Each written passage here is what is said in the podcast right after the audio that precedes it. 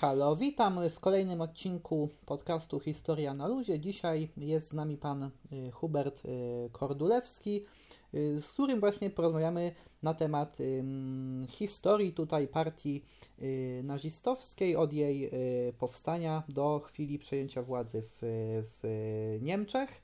I jeszcze jak, no i tutaj, ale oczywiście pan tutaj też prowadzi swój fanpage właśnie. Jakby tak na początek pan tutaj właśnie opowiedział o, o fanpage'u, który Pan prowadzi, jak się fanpage nazywa właśnie?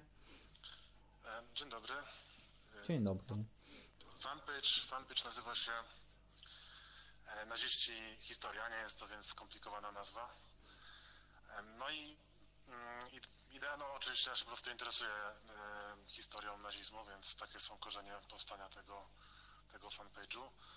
E, I na pewno też, no, no, bo jest sporo różnych materiałów w internecie na temat historii nazizmu, ale jednak zawsze miałem takie poczucie, że one, e, one jednak skupiają się na pewnych e, kilku aspektach tej historii. Czyli jak mówimy o nazistach, to między innymi to będzie Holokaust i wszystko, co się wiąże z Holokaustem. A po drugie to będzie, a właściwie to nawet po pierwsze, to będzie druga wojna światowa na poziomie militarnym, czyli podwoje III Rzeszy, a potem klęska III Rzeszy, a no, trzeci wątek, który w Polsce na pewno jest też e, ważny, no to to jest okupacja. No i miałem takie poczucie, że mnie, no, mnie to interesuje nazizm tak bardziej szeroko i, i, i, przykład mnie interesuje na przykład właśnie to, o czym będziemy dziś mówić, czyli o początkach partii nazistowskiej, czy w ogóle samo funkcjonowanie III Rzeszy, okupacja w innych krajach, więc no, miałem, miałem taki cel, żeby stworzyć taki bardziej um, obejmujący całościowo historię nazizmu fanpage, który zresztą też, chociaż może niekoniecznie to tak mm, w tym momencie funkcjonuje, ale który miałby wybiegać poza, poza sam okres e, od powstania partii nazistowskiej do końca wojny i poza same Niemcy, no bo nazizm powiedzmy mm, chociażby były potem e, procesy e, nazistów, ucieczki nazistów do, do, do, do różnych krajów, czy jakieś potem neonazistowskie partie, ale także co, co może nie jest tak bardzo oczywiste. Naziści byli także nie tylko w, w, w Niemczech, więc chciałem tak właśnie jak, naj, jak najszerzej ująć ten problem.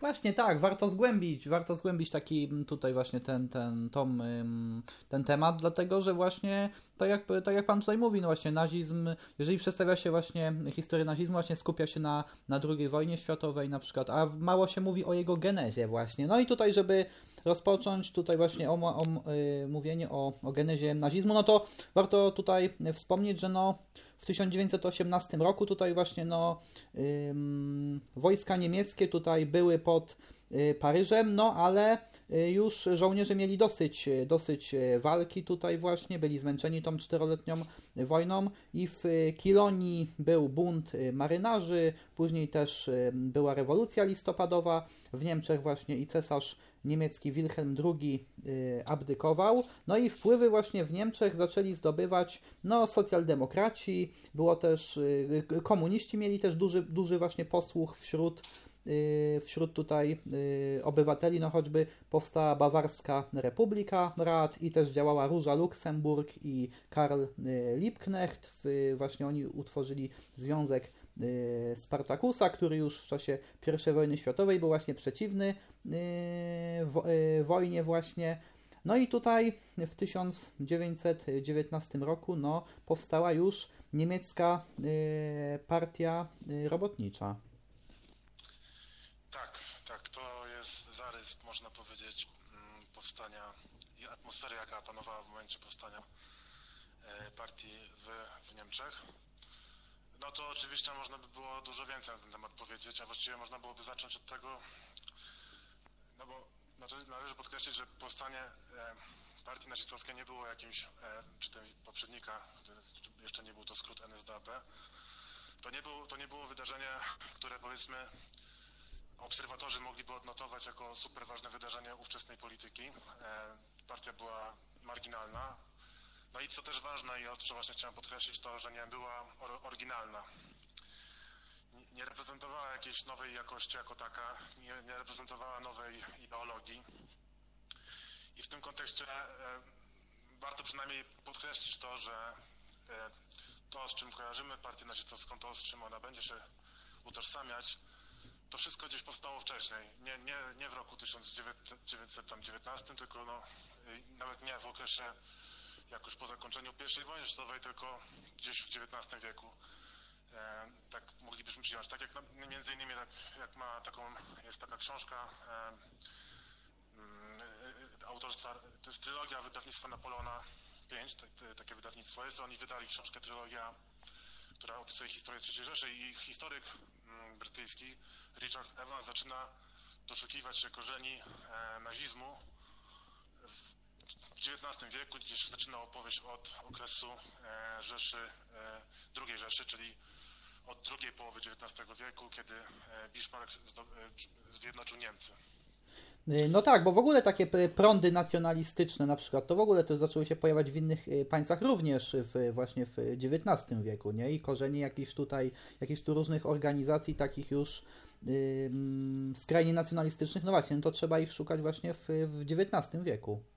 Tak, tak, tylko to jest trochę też y, ciągle będzie uproszczenie, no bo nacjonaliści nie są jakby różni są, tak? Naziści tak, to, się zgadza. Naziści to jednak była wyjątkowo skrajna e, wersja te, tego, powiedzmy, nacjonalizmu, o ile można tak powiedzieć. E, no w każdym razie na nazizm składało się kilka elementów, na przykład możemy wyróżnić no przede wszystkim antysemityzm. E, I antysemityzm tutaj jest dobrym przykładem, bo jest to zjawisko, które znane jest no, już od, można powiedzieć, starożytności, ale w tym wydaniu, szczególnie tak gdzieś od średniowiecza, czy od późnej starożytności, w wydaniu religijnym chrześcijanie, jak był kryzys, jak to dokonywano pogromów na Żydach, bo oskarżano ich o, odpowiedzialność. I w XIX wieku Żydzi zaczęli się asymilować ze społeczeństwem, w którym żyli i ten antysemityzm coraz mniej miał sens. I powstał nowa wersja antysemityzmu, która właśnie którą możemy zacząć właśnie już kojarzyć, to, to tą wersję e, antysemityzmu przejmą naziści, czyli taką, taki antysemityzm, który, który będzie utożsamiał, e, że Żyd to nie jest ktoś, kto wyznaje religię żydowską, tylko ktoś, kto ma przodków Żydów, ktoś, kto ma, jak oni to mówili, krew żydowską. No i to jest oczywiście bardzo istotne, bo wcześniej w średniowieczu to można było być mm, Żydem, ale przejść na chrześcijaństwo i problem się w pewnym sensie tego antysemityzmu dla danego człowieka kończył, a wraz z tym nową wersją antysemityzmu można było odrzucić religię żydowską, zwyczaje żydowskie, przyjąć lokalną kulturę, na przykład niemiecką, a potem przychodzi taki antysemita i mówi nie, nadal jesteś e, Żydem. I to jest, ten, to jest taki przykład właśnie, że to gdzieś w XIX wieku powstało i tak samo można powiedzieć o pangermanizmie, o rasizmie, o eugenice, która powiedzmy możemy ją skojarzyć z e, odkryciem teorii ewolucji, więc no, korzenie takie ideologiczne nazizmu to jest, tak jak powiedziałem, XIX wiek i w momencie, kiedy partia powstaje, ona troszeczkę jakby przejmuje różne takie poglądy już istniejące. Y, no właśnie i tutaj członkami, y, y, tutaj właśnie pierwszy, założycielami partii nazistowskiej był Anton Drexler i Dietrich Eckart. To też jest ważne, bo właśnie Hitler dopiero później wstąpił do, do tej partii. Hitler miał tą partię najpierw infiltrować. Tutaj takiemu władze wydały polecenie. On potem po prostu spodobały mu się hasła tej partii, no i wstąpił do niej, zaczął się po prostu piąć w górę wtedy. Tak, no właściwie to można powiedzieć, że moment, w którym Hitler dołączył do nazizmu, do nazistów, jest jakimś takim fundamentalnym przełomem w ogóle w historii tej, tej grupy, e, gdyż, jak się miało okazać, e, Hitler był mm, no, genialnym demagogiem. Możemy na chwilę też zarysować postać Hitlera do tego momentu, bo no można powiedzieć, że on do pierwszej wojny światowej to generalnie nie miał osiągnięć w życiu i no niewiele sobą reprezentował, e, nie miał rodziny, nie miał e, wykształcenia, nie miał jakiegoś konkretnego zawodu. Potem była pierwsza wojna światowa, gdzie e, no, zasłużył się, ale momentem takim też dla niego przełomowym było właśnie dołączenie do partii i gdzie odkrył swoje, można tak powiedzieć trochę w cudzysłowie, powołanie, jakim było przynajmniej na początku rola Trybuna Ludowego, który przemawia przewodzi na, na takim poziomie właśnie mm, jeszcze demagogicznym, bo na samym początku Hitler jeszcze nie był, nie, nie był przekonany, jeszcze nie widział siebie w roli zbawcy, e, zbawcy Niemiec. Tak? To dopiero to, to jego to ewoluowało w nim. No, tak czy inaczej, e, dołączenie e, Hitlera do partii zaczęło przysparzać jej coraz więcej popularności właśnie z uwagi na jego wystąpienia. Tu, może też warto mm, zarysować, jak właściwie wyglądały te wystąpienia i dlaczego one mogły być takie popularne.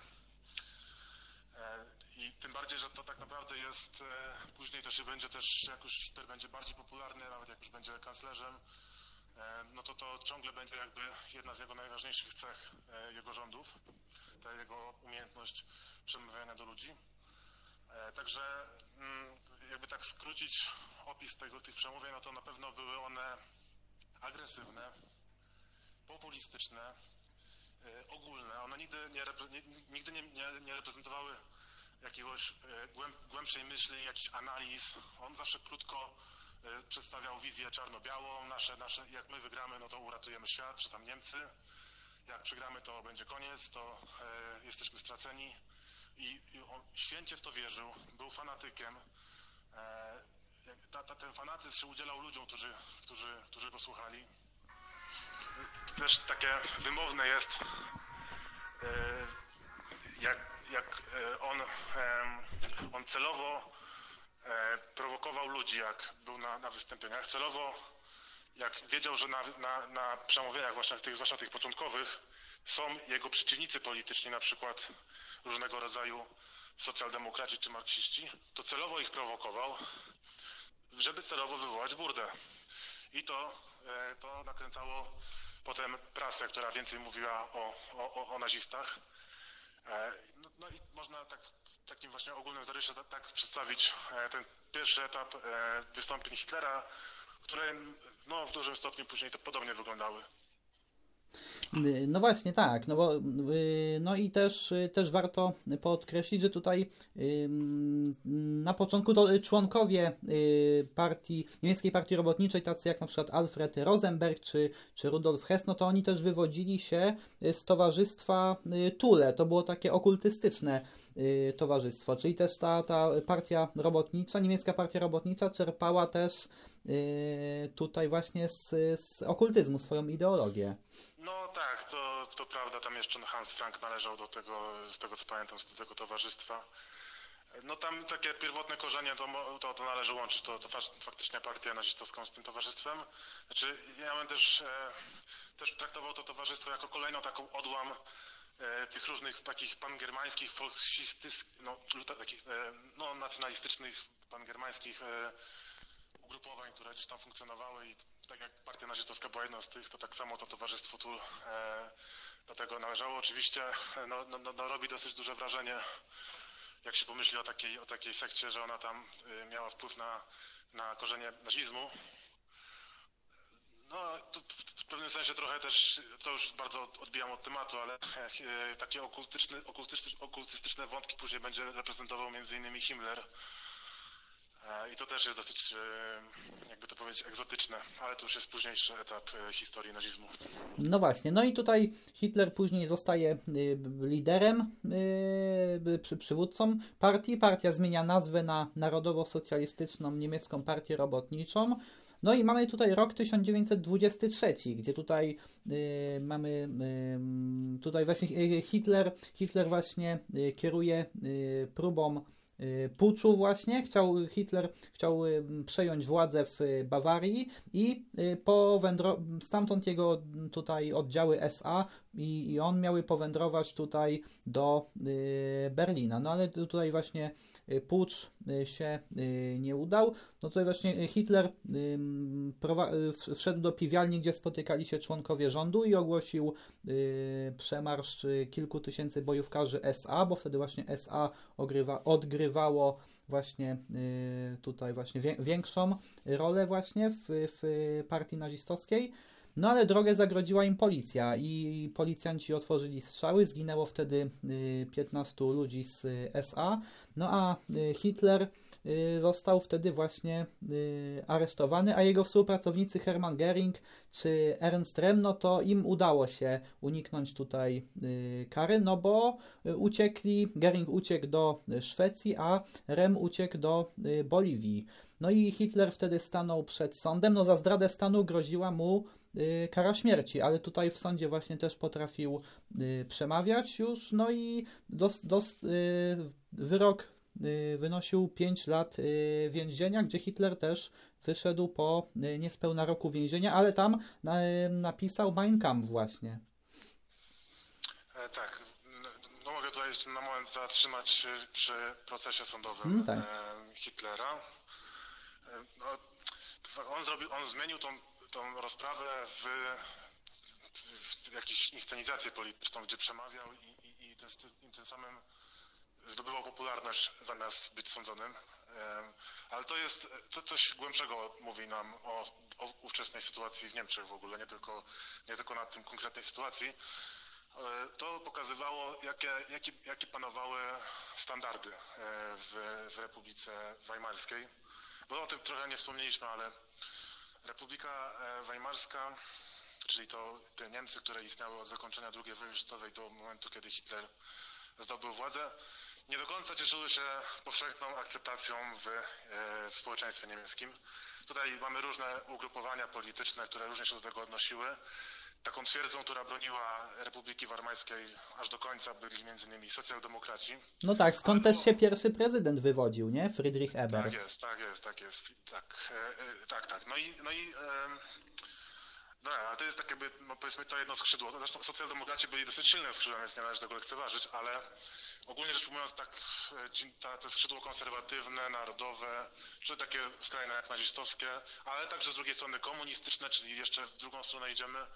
Oni podważali istnienie Republiki Weimarskiej z różnych powodów, to w zależności właśnie od ugrupowań politycznych. E, I e, administracja, w tym wymiar sąd- sądowniczy, częściowo wywodził się, znaczy nawet nie częściowo, ale w dużym stopniu się wywodził z okresów, e, z okresu e, cesarstwa niemieckiego i oni, oni dosyć em, pogardliwie się odnosili do tej Republiki Weimarskiej. To, I gdy przychodzi taki Hitler, a no Hitler nie był jedynym takim, e, takim powiedzmy nacjonalistycznym, tak to ujmijmy, em, zamachowcem na, na, na, na istnienie Republiki Weimarskiej. I, i, taki, I taki Hitler albo tacy inni jemu podobni mówią, że oni z miłości do kraju chcą ratować ojczyznę i dlatego to robili, co robili. No to tacy sędziowie, którzy w sumie częściowo podzielają te poglądy, to potem wydają takie łagodne wyroki. No i dużo nam to mówi o tym, jak ciężko było w ogóle utrzymać istnienia takiej demokratycznej Republiki Weimarskiej, jeżeli nawet funkcjonariusze, którzy służyli temu państwu, nie do końca w niego wierzyli. E, Więc no, to ten wyrok na Hitlerze jest jednym z takich e, dobrych przykładów tego, tego zjawiska. E, no tak, Hitler siedział e, w Landsbergu i tam napisał Mein Kampf. Tutaj na tym etapie jakby rozwoju sytuacji to można podkreślić, bo Hitler, tak jak wspomniałem wcześniej, to nie był gość, który przyszedł sobie na spotkanie nazistów i następnego dnia już i wszystko widział siebie jako e, kanclerza Niemiec, Führera, a z drugiej strony już miał cały wyrobiony światopogląd. To ewoluowało.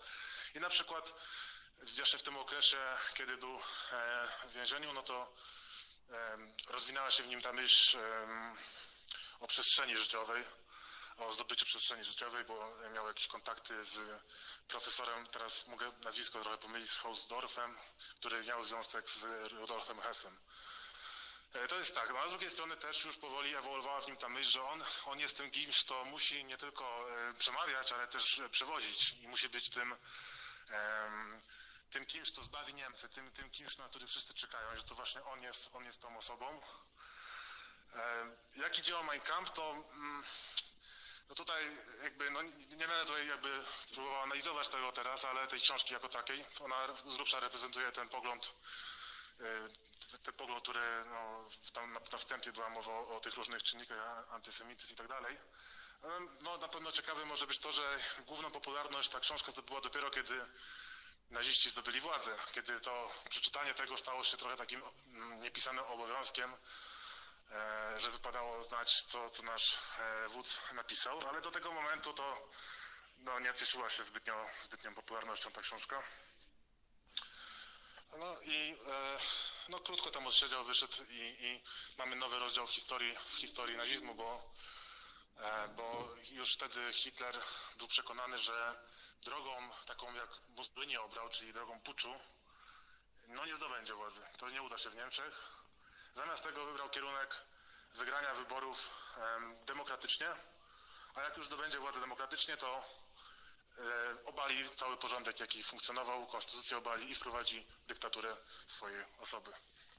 Y, no właśnie, i tu jeszcze tak propos Mein Kampf, no to też dodam, że tutaj właśnie y, w pisaniu Mein Kampf Hitlerowi y, pomagał Rudolf Hess, któremu najpierw udało się uciec, nie został aresztowany, ale dobrowolnie potem odbył, dobrowolnie tutaj chciał odbyć karę w więzieniu z Hitlerem.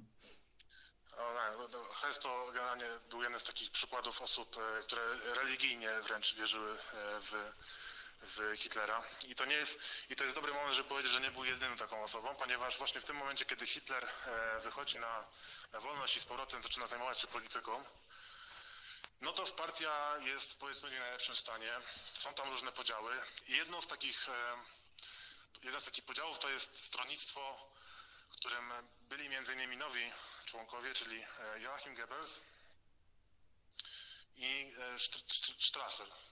I co oni reprezentowali? To jest dosyć ciekawe, zwłaszcza w przypadku Goebbelsa, bo obaj raczej mieli taką e, stronnictwo socjalistyczne skrzydło w partii, które e, nawoływało do zabrania ziemi e, pozostałej arystokracji w Niemczech i w ten sposób rozwiązywania problemów rolniczych, czy gospodarczych, czy demograficznych.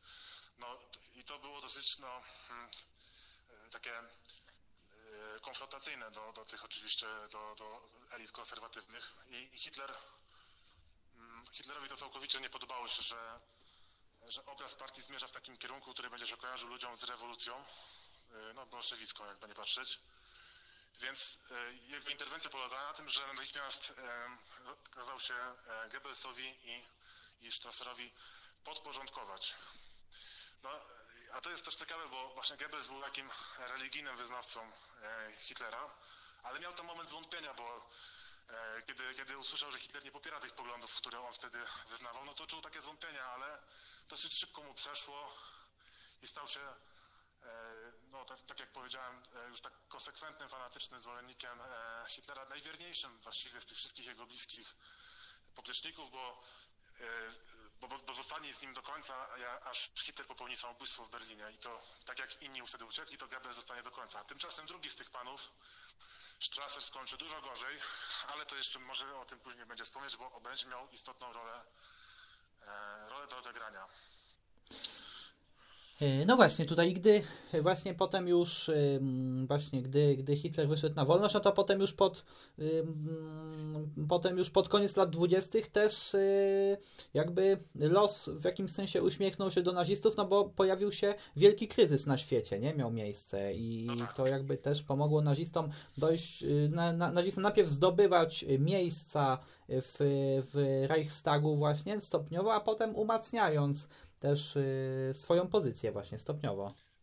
Tak, tak, tak, tak. No, no, może jeszcze należy też trochę nieco się cofnąć w czasie. W okresie tym między wyjściem Hitlera z więzienia a wielkim kryzysem, no partia rozwijała się dosyć y, energicznie. Dbano o te struktury, rozwijano je. Naziści starali się mieć wszędzie swoich ludzi, czy to na uczelniach, czy to w jakichś mm, u robotników i tak dalej. No starali się do każdego dotrzeć. No i to jest dosyć e, ciekawe, no bo mimo wszystko nie mieli żadnych jakby wielkich osiągnięć e, wyborczych. Ostatni e, wynik wyborczy przed, przed wielkim kryzysem, no to oni mieli tam jakiś marny 2-3% e, w wyborach, więc no, no, reprezentowali bardzo taką no, marginalną partię cały czas. I to, co odmieniło e, historię Niemiec, a tym samym historię w zasadzie świata, E, no to jest ten wielki kryzys wspomniany. E, I tu wielki kryzys, on szczególnie uderzył Niemcy. No, Niemcy, e, które po burzliwym początku, po pierwszej wojnie po burzliwym początku Republiki Weimarskiej zaczęły mieć okres stabilizacji, tak zwane złote lata Republiki Weimarskiej, ale w dużym stopniu było to oparte na pożyczkach z Stanów Zjednoczonych. Więc kiedy tam doszło do tego krachu i do, kiedy doszło do kryzysu gospodarczego, to wyjątkowo silnie uderzył Niemcy. I no, kryzys zaczął się tak właśnie pod koniec 1929 roku, a, a będzie trwał kilka lat. no co jest dosyć, dosyć wstrząsające. No nie zdajemy sobie dzisiaj z tego sprawy, jaka to mogła być katastrofa. W szczytowym okresie w Niemczech było 6 milionów bezrobotnych. Całe społeczeństwo tam liczyło około 60 milionów ludzi. No to jeżeli dodamy tego, że każdy bezrobotny mógł mieć, nie wiem, dzieci, matkę, rodziców, których, których musiał wspierać, to nam robi się naprawdę gigantyczna skala problemów społecznych, jakie nastąpiły w wyniku tego kryzysu gospodarczego. No więc można było sobie wyobrazić, że oto nadchodzi apokalipsa. A co jest tutaj ważne, bo taką właśnie apokalipsę zapowiadał Hitler, który przez konsekwentnie, jak przemawiał, to mówił, że albo oni, albo dojdzie do katastrofy. I oto jest katastrofa, bo jest wielki kryzys i Niemcy są zrujnowane. I no, no i e, mamy teraz wybory w 1930 roku. I co się dzieje? Naziści zdobywają 18% poparcia. Czyli tak jak wspominałem, mieli około 2-3, nagle mają 18%. No to to jest kolosalny wzrost znaczenia e, Niemiec, nazistów. No i, no i to była euforia w partii. E, no, to był, właściwie można powiedzieć, że aż do zdobycia władzy to był chyba moment, który ich tam najbardziej ucieszył, bo tu naprawdę wreszcie weszli, w cudzysłowie nazwijmy to, na salony. No, no tak, no to, dobra, no to jesteśmy w tym stanie, że, że, że, że Niemcy trochę, e, może chwilę, chwilę teraz skupię się na, na wątku takim, kto głosował właściwie na nazistów. Mm, jasne. Bo to jest e, na pewno w jakimś stopniu ciekawe. Myślę, że i teraz tak trochę będę omawiał już nawet nie tyle co na te konkretne wybory, ale na wszystkie te kolejne już, e, bo to się w sumie trochę pokrywa. Najłatwiej będzie powiedzieć, kto nie głosował na nazistów, przy czym, no, nie, jak powiem nie głosował, to oczywiście nie znaczy, że wszyscy z danej grupy społecznej nie głosowali, ale że po prostu większość tam się trzymała z dala. Jedną taką grupą byli katolicy. Katolicy protestanci, jakby wyborcy byli w większości protestantami. Tak wiadomo, Niemcy są podzielone do dziś, a wtedy, e, wtedy to było, jeszcze społeczeństwo było bardziej religijne, więc ten podział miał większe znaczenie na protestantów i na, na katolików. I teraz tutaj jeszcze dodam tylko, że to może tak wyglądać, e, bo czasami spotykać się może z takimi opiniami, że no, w jakiś sposób katolicy okazali się odporni na, na, na nazizm. To nie jest tak do końca prawdą, ponieważ wszystko się sprowadzało do tego, że katolicy mieli swoją własną partię, partię Centrum i co warto dodać, ta partia w naszych współczesnych kategoriach też nie do końca była tym, tym na kogo byśmy chcieli dzisiaj zagłosować, bo, no bo reprezentowała coraz bardziej taki skręt autorytarny. E, w ówczesnym katolicyzmie można było znaleźć elementy antysemickie. Także katolicy mieli swoją partię i się jej trzymali, ale też jakby, jeżeli nawet Hitler próbował przekonywać, to no, oni wiedzieli, że w sumie niektóre te elementy, o których on mówi, są e, w, w gronie w ich tam, wśród ich e, partii politycznych. Innym takim ważnym e, grupą społeczną jest ruch robotniczy niemiecki. Tam też jest jakieś grono robotników, które głosowało na, na nazistów, to, ale były tam dwie fundamentalne grupy e, polityczne, które jednoczyły robotników wokół siebie. No i to byli z jednej strony komuniści. Komuniści, tak jeszcze dodam, e, mieli najwięcej poparcia mieli wśród bezrobotnych i wśród, e, no głównie bezrobotnych, tak? ale też na przykład nie, nie, nie jest taką mitem, a jest trochę uzasadnione takie stwierdzenie, że środowiska kryminalistyczne, kryminalne miały jakieś tam związki z, z komunistami. No i z drugiej strony mieliśmy jeszcze silniejszy ruch, czyli tych wspomnianych jeszcze wcześniej e, socjaldemokratów. Czyli to były takie dwie e, najważniejsze grupy, które e, powiedzmy jakoś tak nie, ten nazizm ich tak bardzo nie dotknął. A no na przykład klasa średnia czy protestantka wieś to byli bardzo często wyborcy, wyborcy nazistów zwolnieni pracownicy służb cywilnych, którzy e, porząd niemiecki próbował ratować budżet państwa, więc zwalniał pracowników, to ci się zwracali do e, między innymi nazistów. Ogólnie NSDAP w tym momencie właśnie na początku kryzysu gospodarczego przybierała taką formę e, społecznego buntu. To niektórzy nawet nie musieli jakoś głębiej analizować co mogą sobą reprezentować naziści, ale wiedzieli, że naziści są nowością, są jakąś inną jakością i przede wszystkim są buntem z tą znienawidzoną Republiką Weimarską, która nie dość, że powstała w wyniku klęski wojennej, to jeszcze teraz nie potrafi się nami zaopiekować i nas na przykład, nie wiem, zwalnia albo nie, nie daje nam zaświadczeń e, dla bezrobotnych. Więc mamy e, takie oblicze, e, jeśli chodzi o ten rozkład e, poparcia. E, Kolejnym takim zjawiskiem, który w dobie kryzysu e, gospodarczego w Niemczech jest takim bardzo charakterystycznym, jest zmiana, zmiana jakby wizerunku, jak, jak się przedstawia debata polityczna. No bo powiedzmy, że wcześniej, zanim dos- doszło do kryzysu, no to dominowały te główne partie głównego nurtu, jak socjaldemokraci, czy wspomniana wcześniej partia Centrum, które możemy przyjąć, że były umiarkowane, czy tak jak socjal- socjaldemokraci po prostu byli prodemokratyczni. E, No ale kiedy do władzy, znaczy do władzy, do, do poparcia, poparcie zdobywają naziści, ale z drugiej strony poparcie też zaczęli zdobywać komuniści, no to dyskusja zaczęła przybierać formy po prostu przemocy. To jest jedna z takich najbardziej charakterystycznych rzeczy, która wtedy e, toczyła niemiecką, niemieckie społeczeństwo, czyli przemoc na tle politycznym.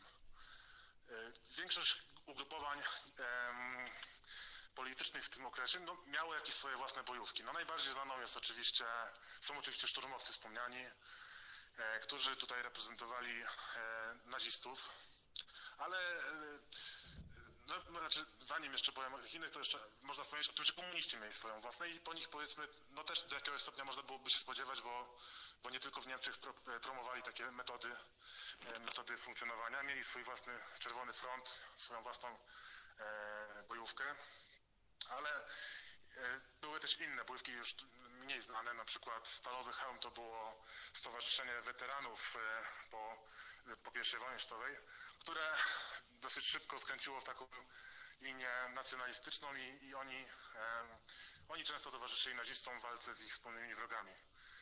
Swoją własną bojówkę miał, mieli socjaldemokraci, nazywała się Sztandar Fały, przepraszam, Sztandar Rzeszy. No i tak regularnie też toczyła właśnie walki z tymi nacjonalistycz, nacjo- nacjonalistycznymi bojówkami, czy też z bojówkami e, nazistowskimi. No i tam no i tutaj w ogóle też można zauważyć, jaka atmosfera panowała wśród tych ludzi. To, to jest to ciekawe. No, nie należy lekceważyć, no bo często można powiedzieć, jaka była motywacja ludzi, którzy byli cz- członkami tych bojówek, które e, dewastowały ulice niemieckie i które, które atakowały swoich rywali. No i łatwo tak do tego dojść do wniosku, że to w zasadzie było tak, że bezrobotni, bezrobotni mężczyźni nudzili się, szukali wrażeń, przychodziła jakaś tam e, grupa działaczy i mówiła, że macie na piwo, ale rozwalcie tam przy okazji tamten lokal i się dobrze zabawili. E, też tworzyła taka bojówka jakąś taką mm, solidarność mężczyzn. To trochę, ja bym to trochę tak kojarzył z niektórymi współczesnymi podobnymi sytuacjami, które mają miejsce. E, no, no, no, mnie to, może trochę to jest takie dziwne porównanie, ale mi szczególnie to się kojarzy z, z grupami kiboli, którzy e, też tworzą bojówkę, też się integrują ze sobą, też pójdą na piwo i też e, pobiją kogoś. I jest między innymi taka atmosfera męskiej, męskiego braterstwa i tak też, to powsta- tak też było między tymi ludźmi, bo mamy relacje oczywiście i, i możemy poczytać, jak oni, jak oni się do tego odnosili. Ale wspomniałem na początku, że nie należy lekceważyć ideolo- ideologicznego motywacji, no bo, bo właśnie przez to, że możemy skupić na tych wątkach, e, możemy to pominąć, ale jak najbardziej ci ludzie byli czy to komunistami, czy jakimiś tam nazistami, antysemitami i tak dalej. E, I e, co jeszcze tu można dodać, to jest jaka, jaka była mm, mm, brutalność tych walk, bo tutaj liczby, liczby mogą wiele oddać. I znów to jest takie porównanie, bo trochę też się interesuję tym, ale w Krakowie mieliśmy, mamy właściwie e, bójki kiboli między dwoma, dwoma klubami kibiców i tam w 10-20 lat zginęło powiedzmy 10 do 20 ludzi, tam nie pamiętam dokładnie, ale to są takie liczby. A, a na przykład naziści bo- podawali, że w jednym roku mogło zginąć kilkadziesiąt ich e, szturmowców. I to samo podawali komuniści, to samo podawali socjaldemokraci. Więc możemy sobie wyobrazić, że na ulicach niemieckich e, rocznie mogło zginąć kilkaset, e, kilkaset ludzi zaangażowanych w bójki polityczne. No to to jest coś, coś, co naprawdę ciężko sobie uświadomić, ale myślę, że to porównanie z Krakowem, o którym tutaj czasami się w Polsce mówi jako takim strasznym mieście, gdzie się takie straszne rzeczy dzieją, może nam trochę oddać, jaka, jaka była skala tych e, zamieszek w Niemczech wtedy, w tym okresie właśnie. No, więc tutaj bym zamknął wątek ten, który właśnie poruszyłem i przeszedłem do, do kolejnego, który wydaje mi się, że być może jest nawet najistotniejszym, o którym chciałem powiedzieć dzisiaj. Otóż w, odkąd doszło do kryzysu gospodarczego, to no, niemieckie rządy kolejne kiepsko radziły sobie z tym, z tym kryzysem. No właśnie i upadały też, nie? Rządy, gabinety często się zmieniały. Tak, tak, ale tutaj no i w, w pewnym momencie do, do kanclerzem zostaje człowiek, który jest, e, ma nazwisko von Papen, wywodzi się ze środowisk katolickich, jest powiedzmy reakcjonistą, on jest zwolennikiem powrotu do tego, żeby Niemcy znowu były autorytarną monarchią. E, I on e, został wybrany tak naprawdę bez kontekstu tego, co się działo w parlamencie. Został wybrany przez Hindenburga, z którym miał dobre kontakty. Hindenburg, o którym w ogóle nie była mowa jeszcze, to prezydent e, kraju, republiki. No tak, od 1925 roku tutaj, nie? I on był też takim mm, jakby no takim symbolem też jakby takiego odradzania się mm, takiego jakiegoś nacjonalizmu w Niemczech. Oczywiście wtedy jeszcze nie takiego, jak, jak to właśnie, jak, jaki prezentowali naziści, bo to był ten nacjonalizm skrajny, ale tu właśnie Hindenburg był symbolem takiego nacjonalizmu niemieckiego, no bo był zwycięzcą choćby bitwy pod y, Tannenbergiem właśnie w czasie I wojny światowej i był on też monarchistą. Zgadza się, to wszystko jest prawda i to też jest właśnie warto podkreślenia kolejny raz, bo on był zwolennikiem takiej monarchii, czyli takiego autorytaryzmu. Znowu to pokazuje, tak jak mówiłem o tych sędziach, którzy skazali Hitlera i, i którzy, którzy jakby do jakiegoś stopnia mogli sympatyzować z nim, bo sami nie byli zwolennikami republiki. Teraz mamy prezydenta, który, który jest przeciwnikiem tak naprawdę tego ustroju, jakby niby ma chronić, bo jest prezydentem, ma stać na stroży tego państwa, a jednocześnie tak naprawdę go nie popiera, więc mamy mamy tutaj taki no, paradoks. No, jest to pokazuje, no, jak, w jakiej kondycji była ta Republika Weimarska. E, no i co chciałem podkreślić, że von Papen został wybrany tak naprawdę e, bez, bez, e, bez kontekstu tego, jaki był rozkład sił politycznych. Może inaczej nawiążę do, inaczej to przedstawię. Dzisiaj jak mamy politykę i mamy wybory i wygrywa jakaś partia i ona ma większość parlamentarną, no to wiadomo co się dzieje. Zakłada rząd i sobie rządzi tam aż kończy się kadencja. Chyba, że dojdzie do jakiejś katastrofy, no ale załóżmy, że rządzi do, do końca kadencji. I w powszechnym odczuciu Niemcy w tym okresie, takim, mam, na myśli powszechny odbiór, e, jak, jak ja przynajmniej tak to odbieram, że ludzie tak to widzą, tak, to, tak postrzegają te Niemcy tego okresu, że to też była demokracja, czyli też było tak, że wygrywał wybory dany, dana partia i ona rządziła. I tutaj właśnie tak nie było, bo von Papen został wybrany nie dlatego, że, że miał poparcie polityczne, tylko dlatego, że miał poparcie innego człowieka, który był, e, który zresztą nie był zwolennikiem demokracji nawet. E, I mówimy tutaj o, o roku bodajże 1931, czyli jeszcze daleko zanim Hitler doszedł do władzy i już teraz możemy mówić, że tak naprawdę to, co my rozumiemy jako demokracja, to w Niemczech nie funkcjonowało. Co jest jeszcze ciekawe, jeśli chodzi o von Papena, e, tak jak wspominałem, to też właściwie jeszcze raz podkreślę, że to był człowiek, który chciał od, od przywrócenia monarchii, czyli popierał te poglądy, które miał Hindenburg. Czyli znów mamy teraz kanclerza, który nie jest zwolennikiem istnienia republiki. E, no i von Papen w 1932 roku e, dokonuje czegoś rodzaju zamachu, e, zamachu na prawie, na prawie, jaki funkcjonował w Republice Weimarskiej, ponieważ zawiesza rząd w Prusach. No, Niemcy to są, e, Niemcy to są ta Republi- Federacja, czyli tam mieliśmy te różne związki, mieliśmy Bawarię i tak dalej. Największym takim e, krajem były Prusy e, ze stolicą w Berlinie. I to była twierdza socjaldemokratów, czyli obrońców porządku demokratycznego, obrońców Republiki Weimarskiej. I, i w, tam w Hamburgu doszło do zamieszek, w których brali udział szturmowcy e, nazistowscy, no i, no i tam e, komuniści wraz z socjaldemokratami. Tam zginęło wiele ludzi. No i pod tym pretekstem, że to trzeba przywołać porządek, von Papen dokonuje takiego zamachu i, e, i wprowadza komisaryczny e, rząd w Prusach. Co potem się miało potwierdzić, bo nawet e, sądownictwo niemieckie przyznało rację e, przeciwnikom von Pappena, że to było nielegalne. Czyli to jest kolejny sygnał i to właściwie historycy mówią, że od tego momentu nie mówimy w ogóle o demokratycznym państwie prawa w Niemczech. Więc mamy jeszcze, nie mamy jeszcze Hitlera, a już mówimy o tym, że e, Hitler, że, że już nie mamy e, tego porządku demokratycznego w Niemczech. To jest o tyle ciekawe, no bo powszechne, takie, jak ktoś pyta, dlaczego Hitler e, zdobył władzę, bo wygrał wybory. No to nie było takie proste. No tak, to jest takie ogólnikowe po prostu stwierdzenie, nie? No właśnie, ono jest ogólnikowe, ono trochę wprowadza w błąd, ale to jeszcze do tego za chwilę dojdę, bo, bo teraz możemy wrócić z powrotem do nazistów. I naziści, i, no w 1932 było kilka wyborów i skupię się na dwóch. Jedno to było w lipcu 1932 roku. No i to są wybory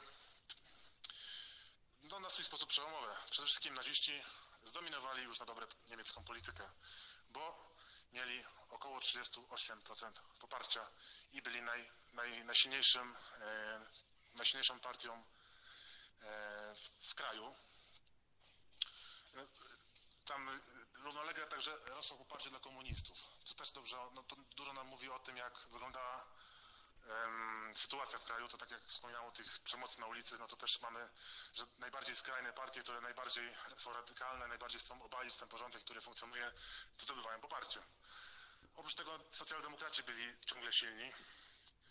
No ale wróćmy do nazistów, czyli naziści mają e, 30, prawie 8% poparcia tak około. E, no i co tutaj jest ważne w tej historii? Może najważniejsze to jest to, że nie zostali, że, że w tym momencie Hitler nie został kanclerzem. To jest właśnie to jest to, to tak jak była mowa, że to, to powszechne poczucie, że, że Hitler zdobył władzę, bo wygrał wybory jest po prostu fałszywe i to jest, no, wygrał wybory, ale wcale nie został kanclerzem. E, generalnie dlaczego nie został kanclerzem? Dlatego, że tu można spojrzeć na to z dwóch, z dwóch stron. Jedna strona to możemy spojrzeć na Hitlera. I Hitler, e, Hitler jest znanym hazardzistą i w sensie nie takim dosłownym, że chodzi do klubów i sobie rzuca kościami. Tak, ale takim politycznym. Politycznym. To szczególnie później jeszcze dużo o tym mówi, jak na przykład e, ryzykował atakując tam Francję w, tak, w taki niespodziewany sposób, albo jak zaryzykował atakując Związek Radziecki, zresztą wtedy właśnie przelicytował. Ale taki pierwszy, taki e, zagranie, no to w polityce to możemy właśnie potraktować to ten moment, czyli kiedy wygrywa wybory i mówi tak, jeżeli mam być w rządzie, to tylko i wyłącznie jako kanclerz. I żadna inna opcja mnie nie interesuje. I to miało potem rodzić problemy. No ale na razie przyjął taką strategię. I w pewnym sensie możemy powiedzieć, że ona no, no była w sumie uzasadniona, no bo wygrał wybory, no to miał do tego prawo. Z drugiej strony mieliśmy tego, to otoczenie Hindenburga, i ogólnie, jak mam na myśli otoczenie Hindenburga, to nie mam na myśli samego prezydenta tylko, a i powiedzmy jakieś tam jego otoczenie w rodzaju von Papena, ale także chociażby oficerów armii. E, I z ich perspektywy to było tak, że oni chcieli swój własny ład wprowadzić, ten taki autorytarny ład przypominający trochę cesarstwo niemieckie. Z drugiej strony bali się coraz bardziej tego, co się działo, że wzrost komunistów był, że wzrost poparcia był komunistów i, i, i, bali się, zresztą tak samo socjaldemokratów się bali, traktowali ich jako wywrotowców i widząc, że oni zyskają poparcie, to mieli tutaj obawy, że może dojść do wojny domowej i to było powód, dla którego szukali poparcia społecznego. No i wy, wy, wyglądało na to, że najłatwiej byłoby dogadać się z Hitlerem, który miał przecież takie duże poparcie. Ale oni gardzili Hitlerem, gardzili nazistami w ogóle. Traktowali ich jako hołotę, która robi burdy uliczne, zamiast prowadzić politykę taką na poważnie. Zamiast zająć, zajmować się poważnymi sprawami państwa, to są zwykłe, e, no zwykłe, zwykłe takie chuligany, które biegają po ulicy. Więc no nie dogadali się. Była tutaj sprzeczność między nimi. I w tym samym roku, w 1932 roku, w listopadzie, mamy kolejne wybory. I to jest bardzo ciekawe, co się dzieje, ponieważ e, Hitler, czy naziści, tracą poparcie. Mieli 38, nagle mają 32. Znaczy może to nie jest nagle, bo ludzie, może jeszcze chwilę o tym powiem, gdzieś przeczuwali, że tak będzie, ale tracą poparcie. I teraz Co, o czym to można nam mówić? Między innymi to, że te 38%, które zdobyli wcześniej, to był szczyt ich możliwości. To już nie, nie, nie było tak, że oni e, mogą coś więcej zrobić. To właśnie wyszło w tych wyborach. Tam doszło do fascynującej sytuacji, bo e, Goebbels sobie obmyślił plan, że, że żeby zdobyć jeszcze większe poparcie, muszą w końcu przełamać tę barierę robotników, muszą do nich dotrzeć. I w Berlinie doszło do strajku e, pracowników transportu i doszło do sytuacji, w której komuniści z jednej strony, a z drugiej strony naziści razem strajkowali. Było to właśnie na tym celu, żeby tych robotników pozyskać. No ale w praktyce to odniosło skutek odwrotny od zamierzonego, bo z jednej strony robotnicy nie dawali się przekonać, bo oni mieli swoich, socjaldemokratów i komunistów, a z drugiej strony inni ludzie, którzy wcześniej głosowali na Hitlera, między innymi dlatego, że bali się tych komunistów, nagle widzą, że naziści sami sobie stoją z komunistami, więc jak to jest? Mamy wspomnienia, które mówią, że moment, w którym oni tam razem paradowali, to był dla wielu rozczarowanie. I więc skutek tego jest taki, że mm, nazistom zaczynało spadać poparcie. Czyli mamy te 32%, chociaż ciągle dominują. Komunistom też wtedy w tych wyborach listopadowych wzrosło, czyli to zagrożenie komunistami ciągle tam gdzieś wisiało e, w głowach wielu ludzi. E, mamy ten listopad i dwa miesiące później już Hitler był kanclerzem. No i co się tam wydarzyło? E, mamy w ogóle w tym okresie już innego kanclerza, nie mamy von Tak, wtedy był Kurt von Schleicher. Tak, to był, pochodził z, z wojska. I on e, próbował właśnie ciągle jakoś zdobyć taką, e, taki rząd, który będzie miał poparcie e, społeczne, a to znaczy, że chciał po prostu do rządu, żeby e, doszła partia, która takie poparcie ma, no i tutaj oczywiście ci naziści ciągle byli tym naturalnym wyborem. A że Hitler był nieprzejednany i ciągle stawiał sprawę, że musi być tym kanclerzem, no to postanowił spróbować jakoś intrygi. I zagadał do wspomnianego gdzieś tam wcześniej, wcześniej w tej rozmowie Strassera. E, Strasser nie był tak jak chociażby Goebbels zapatrzony tak totalnie w Hitlera i niepokoiło go to, co się dzieje w partii nazistowskiej, bo, e, no bo widział, że się zaczyna tracić poparcie. Jeżeli za chwilę nie dojdą do władzy, to kolejne wybory będą kolejne spadki już naziści wrócą tam, gdzie byli, czyli do marginesu polityki. I to Strasser zaczął rozmawiać z, e, z kanclerzem ówczesnym. Co dowiedział się o tym Hitler? E, no i wpadł w furię. Wywalił Strassera z partii, obie, objechał partię po całym kraju, przemówił do członków, zmobilizował ich. Ciągle udawało mu się trzymać zwarte szeregi w partii. Czyli plan kanclerza nie wypalił. No i w tym momencie pojawia się kolejna intryga, która ostatecznie da władzę e, Hitlerowi. To znaczy, zaczęto sobie tak to obmyślać, że dadzą e, jako Hitlera jako kanclerza, dorzucą jakiegoś tam jednego, dwóch nazistów do rządu, a pozostali to będą nasi, czyli konserwatyści, jacyś nacjonaliści, jacyś tam wojskowi. No tak, uważano, że Hitler, uważano, że Hitler będzie politykiem przejściowym, a potem, że tak powiem, w cudzysłowie go zwolnią, nie? To taki, tak to właśnie że może nawet nie zwolnią tyle, że będą go po prostu mogli kontrolować. No tak. A, a możliwe też tak zakładali, że później ten Hitler po prostu straci poparcie i, i nie będzie im potrzebny, tak czy inaczej już. No i taka była perspektywa, no ale co ważne dla Hitlera, uzyskał to, co chciał, bo, bo, bo dostał propozycję, e, że zostanie kanclerzem. Oprócz niego do nowego rządu miał dołączyć minister spraw, spraw wewnętrznych, który też miał być od nazistów. No i był minister Besteki, czyli Hermann Gering, też bardzo ważna postać, który bardzo tam od początku gdzieś tak funkcjonował w partii i on oprócz tego miał też e, kontrolę nad policją w Prusach. No i ci trzej goście jako naziści, czyli z Hitlera na czele, e, mieli e, być częścią tego rządu.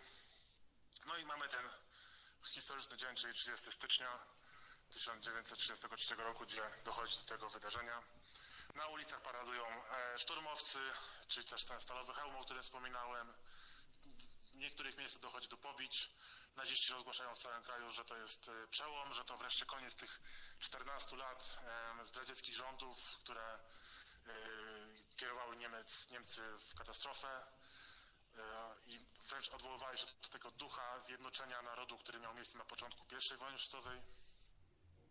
No tak oni to prezentowali, ale też trzeba podkreślić, że że inni na to trochę inaczej widzieli. Z, innej, z perspektywy innych osób, z, z, z innych takich bardziej odpornych na, na nazizm, to było, perspektywa była taka, że no to kolejny kanclerz, właściwie nic się nie dzieje, no bo co, no, nowy, wybrali nowy rząd, wcześniej był inny, potem szybko, szybko ten kanclerz się zmienił, bo jak zwykle się nie udało, więc na przykład tak trochę myśleli, może nie do końca tak to ściśle ujmuję, ale no w jakimś stopniu mogli tak myśleć między innymi socjaldemokraci i komuniści. Yy, no właśnie, no bo nawet też, nawet też jeżeli chodzi o komunistów, no to z, wiadomo, oni tutaj, y, Komunistyczna Partia Niemiec była członkiem międzynarodówki y, właśnie z siedzibą w Moskwie, no i stamtąd też y, przyszło takie polecenie z Moskwy, żeby jednak żeby, że, że komuniści y, nie, nie mieli jakby współpracować z socjaldemokratami przeciwko Hitlerowi, no bo nawet y, Stalin myślał też, że Hitler będzie kanclerzem tylko kilka miesięcy, a potem zostanie, potem utraci władzę.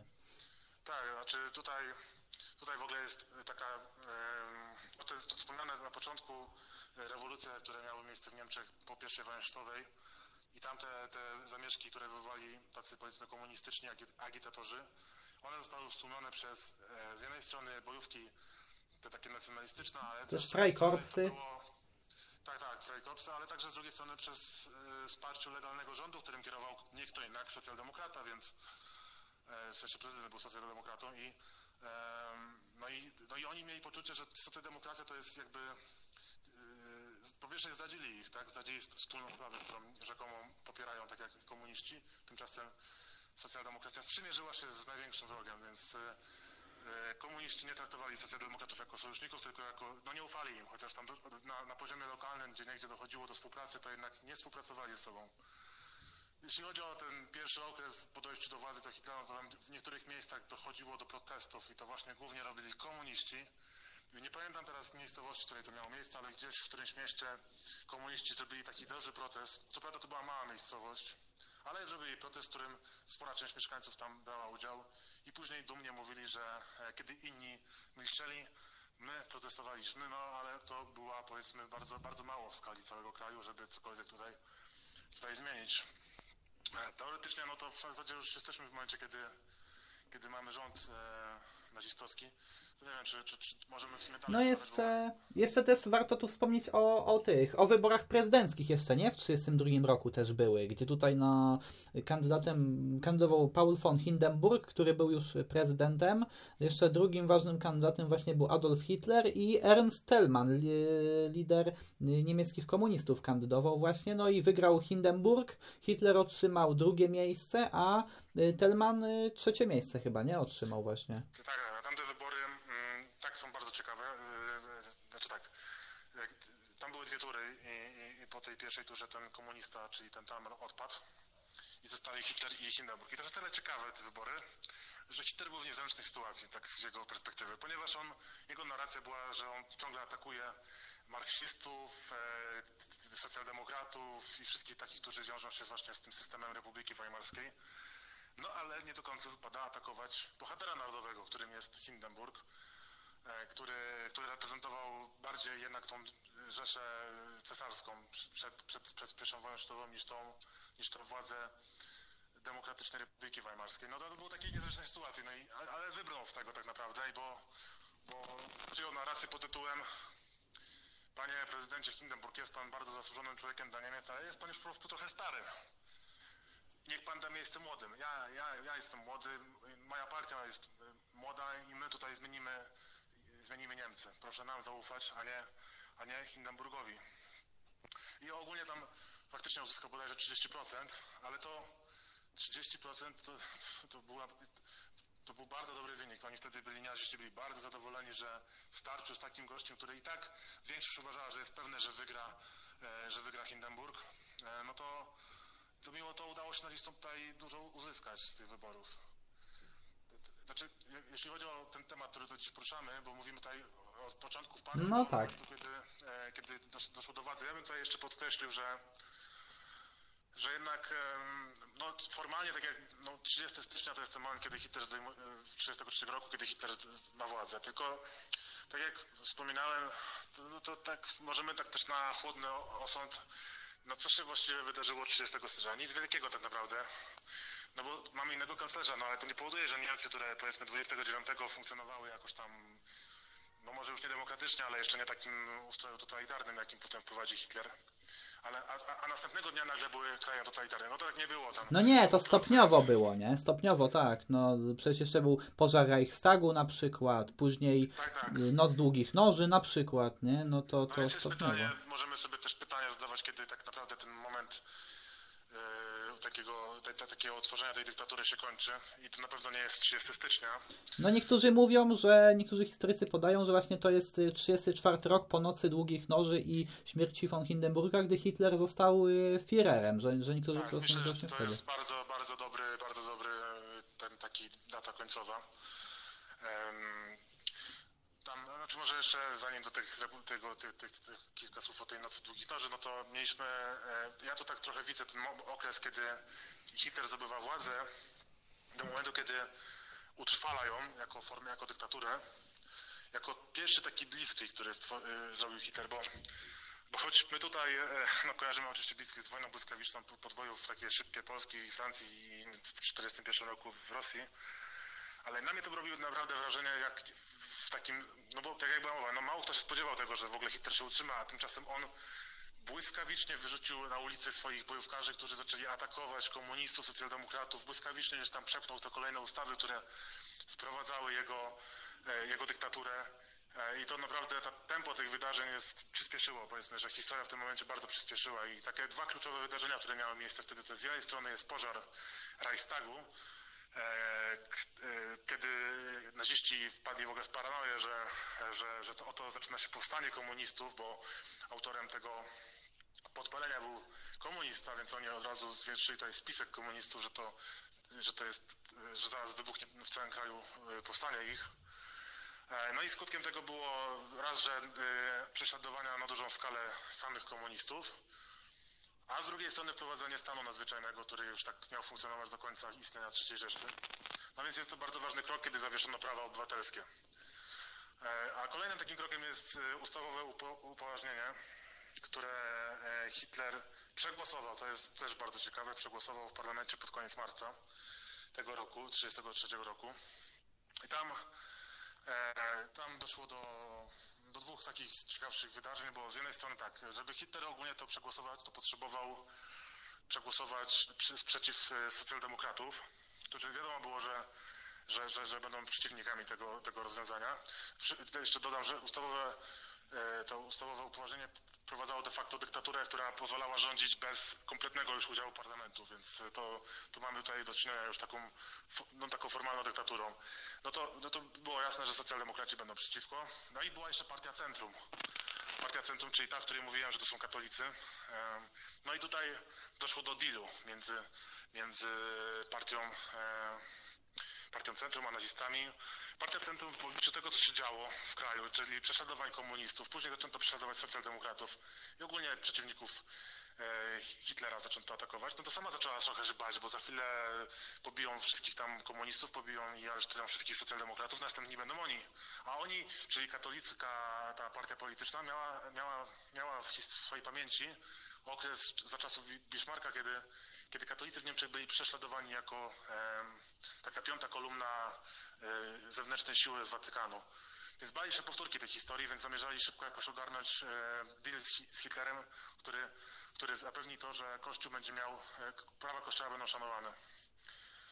E, No a z drugiej strony, jak była mowa, Hitlerowi zależało na ich poparciu e, i, i e, w, tym, w tym konkretnym momencie, więc doszło do podpisania konkordatu e, między Watykanem a III Rzeszą. To też jest trochę takie wymowne, bo bo no niektórzy mogą powiedzieć, że no tak jak wspominałem, katolicy nie głosowali na Hitlera. No to no i prawda, ale z drugiej strony, no, jak wspominałem, sama partia Centrum nie do końca była e, taką partią, jakbyśmy dzisiaj sobie chcieli wyobrażać, bo jednak miała te różne przejawy autorytaryzmu, czy też przejawy antysemityzmu. No ale co ważniejsze, chyba e, fun- fundamentalnie przyklepała dyktaturę Hitlera.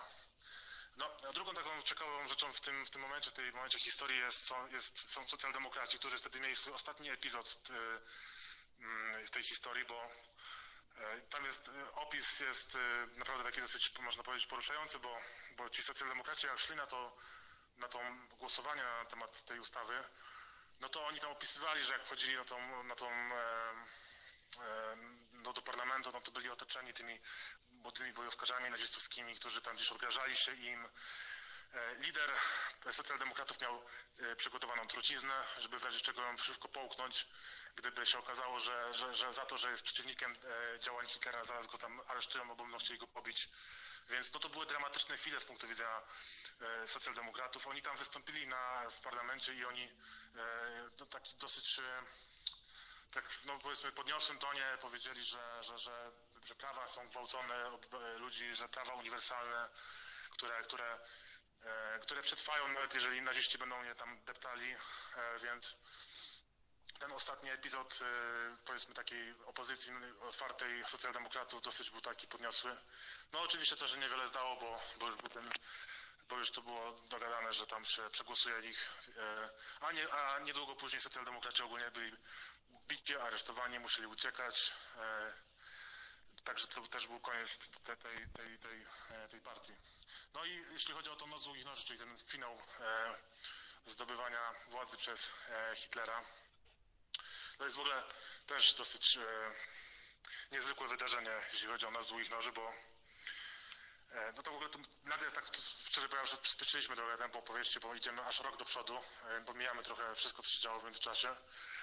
E, noc długich noży miała korzenie w tym, że no, powiedzmy co najmniej dwa obszary były takie istotne. No na po, po pierwsze armia też naciskała na Hitlera, że jakby no ci, ci wysocy oficerowie, ci oficerowie jakby no nie chcieli tolerować e, prywatnej armii Hitlera, nie? Tutaj, czyli tego no SA. Tak, czy, tak, tylko generalnie chodziło o niesubordynację bardzo wtedy licznej bojówki SA, która no, z jednej strony dużo sobie pozwalała, ale z drugiej strony też e, oni no, otwarcie dosyć dążyli do tego, żeby stworzyć e, własną armię, która miała reprezentować Niemcy. Nie, nie ta zawodowa, tylko my, ludowa armia, e, my będziemy, będziemy reprezentować siły zbrojne Niemiec, no to to było zagrożenie dla oficerów. Tam też były, także wśród tych SA-manów były jakieś przejawy e, chęci pociągnięcia tej rewolucji, bo w 1933 roku ogólnie rzecz mówiąc naziści przeprowadzili coś w rodzaju w Niemczech takiej rewolucji kulturowej, gdzie zaczęli no, zrobić czystki tam w uczelniach, w instytucjach kulturowych, w, w, w filmie, w, no, w, literaturze i wszędzie. Ale ci esmani, którzy chcieli pójść dalej i chcieli dokonać takiej lewicowej bardziej, czyli takiej socjalistycznej rewolucji, to też z kolei nie podobało się wielkiemu przemysłowi. Tutaj Hitler chciał mieć zarówno dobre relacje z armią, która potrzebna mu była oczywiście do podbojów, a z drugiej strony z przemysłem, który miał uzbroić tą armię. Ale to nie było jedyne jedyny problem, jaki miał wtedy Hitler, bo równolegle e, człowiek, który niejako wyniósł Hitlera do władzy, czyli von Papen, który był członkiem rządu. Wicekanclerzem był, nie? Tak jest. Był członkiem tego rządu, to zaczął no, coraz bardziej być niezadowolony z tego, co, jak wyglądała ta nowa nazistowska, no, nowe nazistowskie Niemcy. I oni jego tam mm, ludzie zaczęli publicznie krytykować porządki, jakie funkcjonowały wtedy w, e, w Niemczech. No i więc Hitler w pewnym momencie, to, to, nawet nie było tak, że on to zaplanował, tylko trochę tak spontanicznie podjął decyzję, e, postanowił przeciąć ten węzeł gordyjski i rozprawić się z, z tym e, skrzydłem SA-manów, a z drugiej strony też pozbyć się problemu tych kręgów wokół von Papena, a jeszcze przy okazji e, zlikwidowano kilku starych wrogów, którzy tam gdzieś mu zapamiętali się w pamięci. Wyglądało to tak, że to jest naprawdę niesamowite, bo mamy teraz kanclerza, czyli człowieka, który no jakby reprezentuje wielki kraj europejski i spotyka się z innymi politykami i jest powiedzmy cały, cały majestat państwa za nim stoi. A potem nagle się okazuje, że on gdzieś w nocy poleciał do Monachium, y, przebrał się w mundur partyjny, z pistoletem w ręku wpadł do hotelu, gdzie byli liderzy S, y, bojówki SA wraz z kilkoma policjantami i wymachując pistolet w tym hotelu groził wszystkim i, i, i przede wszystkim e, brał udział w aresztowaniu lidera lidera e, SA, Ernsta Rema. Ernsta Rema. któremu tam wrzeszczał, że, że dokonał zdrady stanu, chociaż ta zdrada stanu była wymyślona, bo trzeba było coś No bo też ludziom. intrygę, intrygę też uknuli tutaj szef SS Himmler i, i szef Zicher, no właśnie, Zicher Heisinst, Reinhard Heydrich, właśnie no bo Himmlerowi zależało na tym, by pozbyć się Rema, bo wtedy SS wtedy zyskałoby na, na, na popularności. Y, no i tak się zresztą stało, bo SA istniało, ale nie odgrywało już większej roli. Tam Wiktor Luce później stanął na czele SA. Tak, no więc no, to jest taki tam kolejny wątek tej historii. E, No i więc aresztowano tych tam esmanów w Monachium, między innymi tego Rema, który, to może za chwilę, ale Hitler potem em, tam wrócił do Berlina, miał jakieś spotkanie rządowe.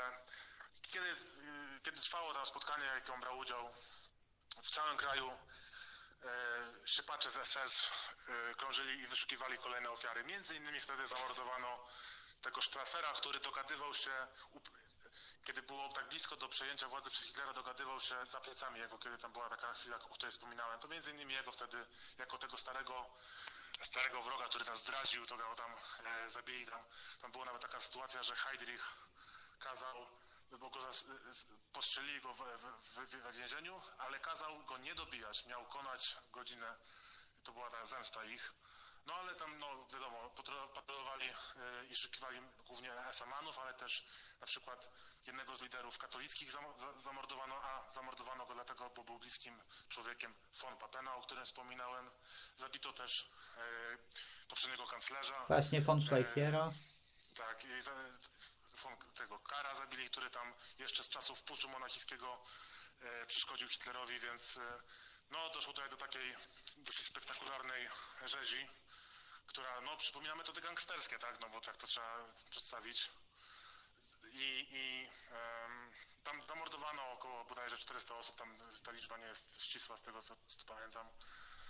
Em, Hitler, co jest też dosyć ciekawe, a no, zanim w ogóle się dokończyła cała ta sytuacja, to było pytanie, co zrobić z Remem, bo, bo Rem chociaż był no, w tym momencie przeszkodą dla Hitlera, to jednocześnie był zasłużony, no i był jakoś tam, jakimś tam przyjacielem, tak to nazwijmy, chociaż w przypadku Hitlera możemy ciężko mu się przyjaźnić z kimkolwiek, no ale był takim starym działaczem. No Hitler na końcu chciał też mu jeszcze powiedzmy szansy, przynajmniej pewnie taką ją widział, czyli e, dał mu e, dał mu szansę popełnienia samobójstwa, ale Rem z tego nie skorzystał i chwilę później go e, zastrzelono. Zastrzelili go SS-mani. E, Hitler już później w Reichstagu e, publicznie powiedział, że to on odpowiada za te, za te akty e, mordów, że to było oczywiście, żeby ratować Niemcy, ale to jest ciekawe, że mamy tutaj polityka, który przychodzi i publicznie mówi, że nakazałem zamordowanie iluś tam ludzi poza prawem, no bo to nie były, bo to nie było tak, że rzeczywiście brali tam jakiś sąd i wyrok śmierci, tylko po prostu go zastrzelili jak mafia. Więc pokazywało to i Niemcom, i, i całemu światu, co reprezentują sobą nowo Niemcy. Chociaż e, akurat w samych Niemczech była ulga, bo powszechnie odbierano S-Amanów jako skrajnych e, radykałów, którzy są tym taką zakałą ruchu nazistowskiego, a Hitler z kolei Hitlera traktowany jako takiego umiarkowanego umiarkowanego e, lidera, który tutaj wreszcie wziął sprawy w swoje ręce i pozbył się tych, e, tych szkodników. I tam może jeszcze ostatnia ciekawostka, jeśli chodzi o, ten, o, o tą historię, to jest to, że bardzo znana postać e, Klaus von Stauffenberg e, tego dnia, kiedy zamordowano Rema, bardzo się cieszył, bo jakby był oficerem armii, więc oficerowie armii ogólnie się wtedy cieszyli, że do tego doszło i, i tam ci najważniejsi dowódcy to osobiście gratulowali Hitlerowi tego, co dokonał. Ale to wspominam o, o, Stauffenbergu oczywiście dlatego, że o de facto nie był jakiś tam zdrajcą, tak Stauffenberg, jak wiadomo, za kolejne 10 lat naprawdę będzie próbował e, dokonać zamachu i zamordować, zamordować Hitlera. Y, No właśnie, no i też mi- miesiąc po nocy długich noży, no umiera prezydent Paul von Hindenburg wtedy, no i wtedy już Hitler zostaje, y, wtedy Hitler łączy w jeden urząd y, urzędy kanclerza i prezydenta i wtedy urząd Führera y, powstaje, Hitler staje się y, Führerem, czyli wodzem. No dokładnie, no to już mamy, to jest dopełnienie tej, tego, no tego całego procesu kiedy od, od momentu, kiedy tam gdzieś w barze, znaczy w piwiarni sobie siedzieli, powiedzmy, sfrustrowani młodzi mężczyźni, a kilkanaście lat później stali się em, liderami jednego z najważniejszych państw, jakie są na świecie. No ten proces jak najbardziej myślę, że ten most długich noży y, kończy. No właśnie, no i tak y, tutaj właśnie chciałby Pan jeszcze coś na koniec też y, dodać? No tak, może dodam jedną rzecz, bo w sumie to też do, zawsze było mnie trochę ciekawiło i myślę, to też jest takie często poruszane w dyskusjach, jak się o tych, o tych tematach rozmawia. E, jakby, kiedy mówimy o, o tym, że o tym, co się działo później, czyli o Holokauście, czy o, o II wojnie światowej, no to tak trochę wskazujemy, że Niemcy wy, wybrali Hitlera, więc niejako trochę tak chcieli tego, co się działo. I ja tutaj, to jest duży wątek. E, Ja tutaj dużo mówiłem też trochę, kto głosował na, na Hitlera i dlaczego. E, Ale właśnie chciałem e, tak chwilę zastanowić się, czy jak wyglądały te motywy, które tak naprawdę były, są dla nas najważniejsze, czyli czy, czyli czy jak Hitler zdobywał władzę, to jak, jak się przejawia ten wątek antysemityzmu jak się przejawia wątek jego planów na podbój e, Europy. E, no i jeśli chodzi o sprawy militarne, no to no Hitler tak w obrębie swoich współpracowników, e, no to takich bliskich albo na przykład oficerów, to tak gdzieś tam potrafił powiedzieć, że gdzieś tam widzi tą przyszłość taką, że to będą podboje. Chociaż nawet jak o tym mówił, to nie przedstawiał tego jako takiego podboju, jaki rzeczywiście się potem stanie, czyli takiego gigantycznego rasowego imperium, które będzie miało iść aż po Ural. No, a z drugiej strony, jednak jak publicznie się przedstawiał Niemcom, no to oczywiście mówił o podważaniu traktatu wersalskiego, o odbudowie pozycji Niemiec i co na pewno podobało się słuchaczom. I to No właśnie, no bo Niemcy były ograniczone właśnie przez traktat wersalski, musiały też reparacje płacić właśnie. y, Zgadza się, to, znaczy reparacje to już jak Hitler doszedł do władzy, to już właściwie nie były spłacane. Ale, No tak, ale przed, przed właśnie, dlatego że Tak, tak, Hit- to- też to dawało Hitlerowi też jakieś poparcie. No i naziści też mówili o tym, że tutaj Żydzi, jakby ci, ci tacy żydowscy politycy, czy właśnie też socjaldemokraci, jakby wbili nóż w plecy armii w 18 roku, no bo wojska niemieckie były pod Paryżem, a tutaj oni, tutaj ci, ci socjaldemokraci ogłosili jakby za zawieszenie broni, jakby, nie? No to, to, tak, to tak, właśnie to, to. w ogóle nie był tylko pogląd samych nazistów, bo to był pogląd dość popularny w Niemczech.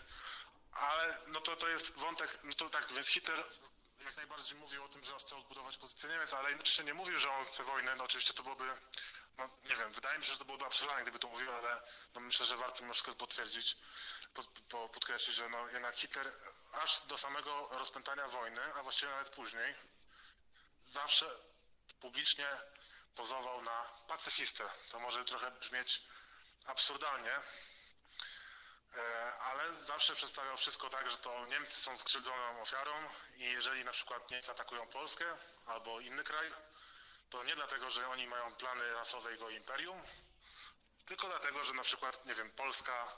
Polscy No bo była atakują- prowokacja gliwicka na przykład, nie? na I przykład, musieli ale także na odpowiedzieć. przykład mówili o, o intrygach Anglików, którzy tam gdzieś próbowali podpuszczać Polaków. No było wiele, ale to też dla mnie to jest dosyć ciekawe i warte podkreślenia, że to jednak nie jest takie proste i, i sam Hitler tak, no, przedstawiał się jednocześnie jako człowiek, który odbuduje tą międzynarodową pozycję, ale jako taki pacyfista, czyli no, trochę kłamał jednak, jakby no, trzeba tak powiedzieć wprost. Jeśli chodzi o antysemityzm, E, No to tutaj też mamy taką analizę, nawet sobie patrzyłem, jeszcze chciałem sobie upewnić się, zanim tutaj zaczęliśmy rozmawiać, to tam e, jest między innymi taka książka, znaczy Jan Kershaw, taki historyk znany, dużo się tym e, takimi te, tematami zajmował, no i, no i Hitler na początku swojej kariery bardzo często mówił o, o, o Żydach i to tak z taką oczywiście dla niego charakterystyczną nienawiścią. Ale już im bliżej było tego momentu, kiedy wbił się do tej elity politycznej, do, kiedy walczył już o zdobycie poparcia całego społeczeństwa, to wątek Żydów był już co najmniej drugorzędny. Już tylko, w moment, tylko czasami, kiedy wiedział, że jak powie coś o Żydach w danym środowisku, to o nich wspominał. Bardziej skupiał się na wątkach jednak e, na przykład marksistów, socjaldemokratów. E, no, czyli trochę tak dostosowywał swoją e, e, retorykę. No tak, nawet Żydzi właśnie tutaj twierdzili, że właśnie gdy, gdy Hitler, y, gdy Hitler właśnie, że, że jakby to wcześniejsze mówienie o, an, o antysemityzmie, no to, no to jest jakby takim chwytem wyborczym, a potem Hitler tą, tą kampanię zakończy, gdy się umocni właśnie.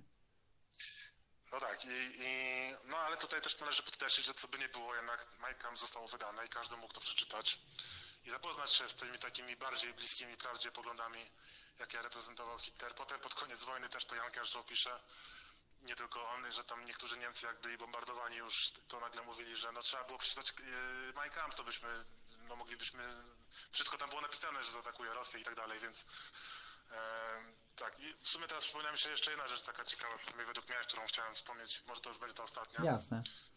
E, No bo jak wspomniałem, że już jak mamy 33 rok i na przykład doszło do spalenia, podpalenia Reichstagu, no to na ulicę e, wygarnęli szturmowcy e, nazistowscy, SS, SS-mani, ale także policja państwowa, która w tym momencie nagle stała się wspólnikiem nazistów, takim już kompletnym. I oni zaczęli polować na, na tych wrogów politycznych, między innymi wtedy na komunistów. E, A mówię o tym dlatego, że to jest ciekawe, ponieważ no nie było tak, że Hitler albo jakiś tam inny wysoki rangą nazista wydał jakieś ogólnokrajowe polecenie od jutra napadamy komunistów. I, od, i, I powiedzmy wydał tam gdzieś w Bawarii, wy robicie to, e, czy tam w innym regionie kraju, wy robicie tamto. Nie miało takiego miejsca nic. Po prostu doszło do sytuacji, w której Hitler i inni wysoko rangi, wysokiej rangi e, naziści zaczęli mówić publicznie, że czas najwyższy skończyć z komunistami. Że komunistów trzeba pobić, pozamykać, pozbyć się ich raz na zawsze. Dla szturmowców to był sygnał. Oni zinterpretowali to prawdopodobnie dokładnie tak, jak czyli ci, którzy to mówili to, co mówili. Czyli wyszli na ulicę, atakowali komunistów, niektórych zabili, innych tylko pobili, aresztowali tam do pierwszych obozów, czy tam do aresztu i tak dalej, i tak dalej. Dlaczego to jest takie ciekawe? Ponieważ e, wiele lat później dojdzie do największej zbrodni, jaką naziści dokonają, czyli zagłady Żydów europejskich. No i do dziś mamy ten problem, jaka była rola Hitlera w tym całym procesie. To jest słynna kontrowersja, którą niektórzy tam publicyści tam gdzieś, czy nawet nie publicyści, ale czy Hitler wiedział i tak dalej. No, historycy nie mają wątpliwości co do tego, że wiedział, bo y, raczej jest to pewne, że wiedział. Nikt tego nie podważa. Ale na pewno jest ciekawe to, jaki, jaki był ten jego udział w takim razie. No bo nie mamy pisemnego rozkazu, tak? E, No i teraz właśnie pokazuje się, że to jest stałe funkcjonowanie takiego nazistów. To nie jest tylko kwestia żydowska. To znaczy Hitler publicznie w parlamencie niemieckim w tamtych czasach, kiedy już była wojna i kiedy trwały te prześladowania, mówił, że, że czas nastąpi e, na, e, czas na eksterminację europejskich e, Żydów, no bo rozpętali wojnę. Oczywiście tam to, no, to jest niesamowite, że w ogóle doszedł do takiego wniosku, e, przynajmniej publicznie, że to powiedział, że, że to Żydzi rozpętali wojnę, no ale w każdym razie publicznie powiedział, że czas na eksterminację e, Żydów. I takich wystąpień miał kilka. I teraz w tym samym okresie SS-mani e, dokonują coraz ostrzejszych tych mordów i powstają obozy zagłady i później dokonuje się całego Holokaustu. Chodzi o to, że właśnie tutaj mamy mechanizm działania e, nazistów, którzy niekoniecznie zachowywali się w ten sposób, że e, tak formalnie dawali, form, drogą formalną dawali rozkazy i kontrolowali wszystko jak idealna maszyna, tylko bardziej, że rzucali hasło i wiedzieli, że ci, którzy, do których to hasło jest kierowane, będą wiedzieli o co chodzi, że oni zrobią to, o co się od nich oczekuje. I tutaj mamy właśnie to bardzo bliskie podobieństwo między zachowaniem, jak prześladowano wrogów politycznych na początku władzy Hitlera, a później jak e, prześladowano Żydów. No właśnie, No, to- też y, jeżeli chodzi o nawet o Mein Kampf, to też można, y, niektórzy tak tutaj mówią, publicyści, że ludzie, którzy czytali Mein Kampf przed dojściem Hitlera do władzy, albo już w czasie, gdy był kanclerzem, ale jeszcze nie, nie było, nie prowadził działań wojennych, no to, że właśnie Hitler, że, że, że uważano, że jakby to jest taki manifest polityczny, a Hitler nie będzie tak radykalny.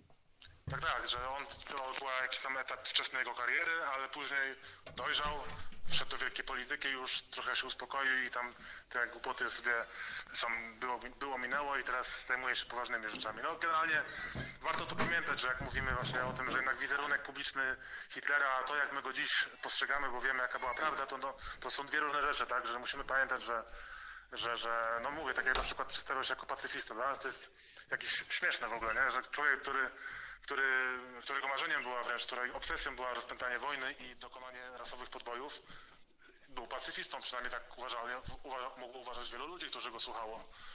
E, więc no, warto mieć świadomość, zresztą no propaganda Goebbelsowska tak zwana? No, czyli ta niemiecka, nazistowska, no jest znana z tego, że była bardzo skuteczna, tak przynajmniej dzisiaj jest taki symboliczna, nie? Jak mówimy, że ktoś bardzo już, e, bardzo mocno już kłamie, ale robi to tak dosyć, no powiedzmy intensywnie, no to idzie w ślady Goebbelsa, no więc propaganda nazistowska, nie możemy jej lekceważyć jak o tym, jak myślimy o tym, jaki był wizerunek, no chociażby w tej dziedzinie, jak wspomniałem o wojnie, tak?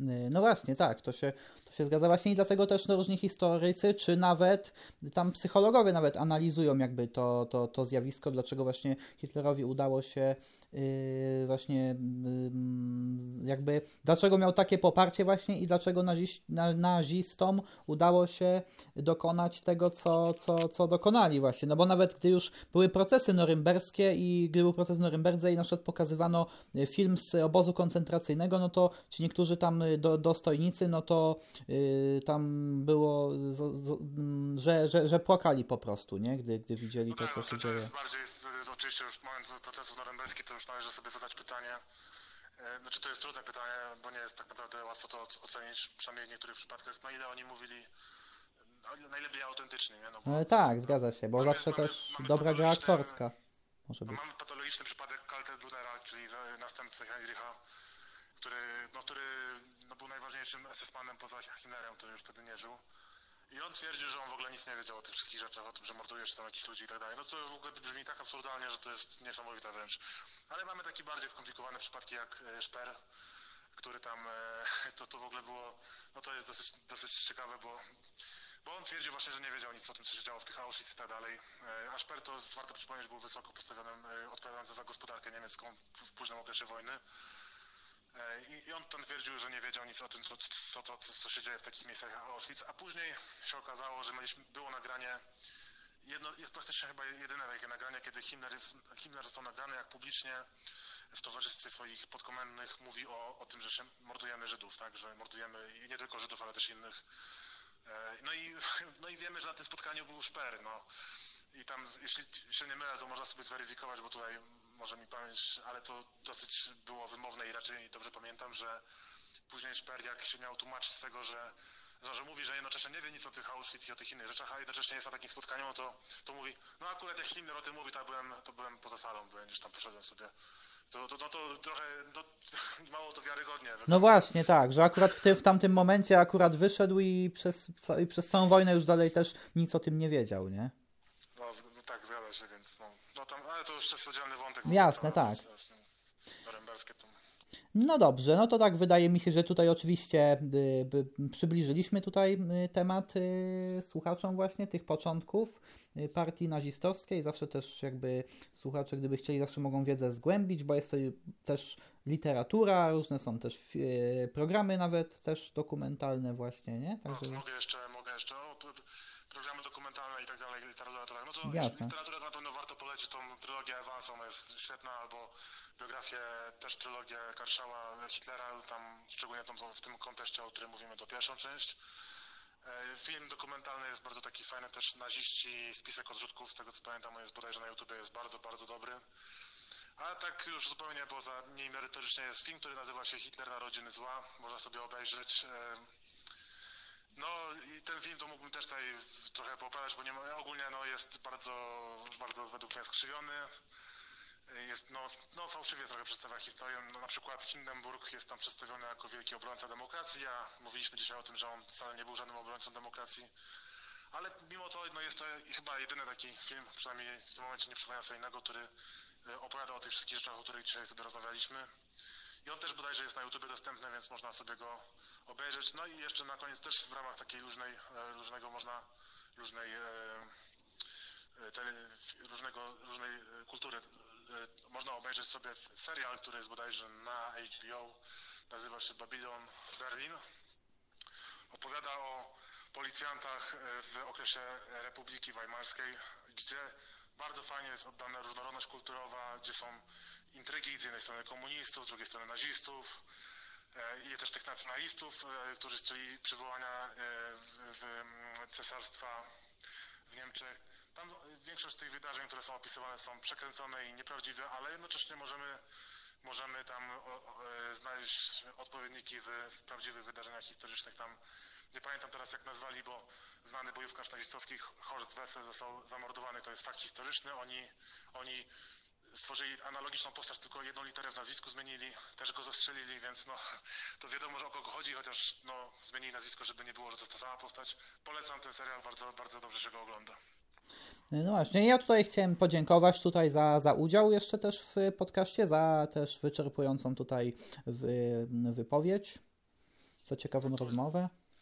Dziękuję bardzo i też dziękuję za zaproszenie. I też dziękuję słuchaczom za wysłuchanie dzisiejszego y, odcinka. No i jak ja to zawsze mówię, y, to by było na tyle i do usłyszenia w następnym odcinku.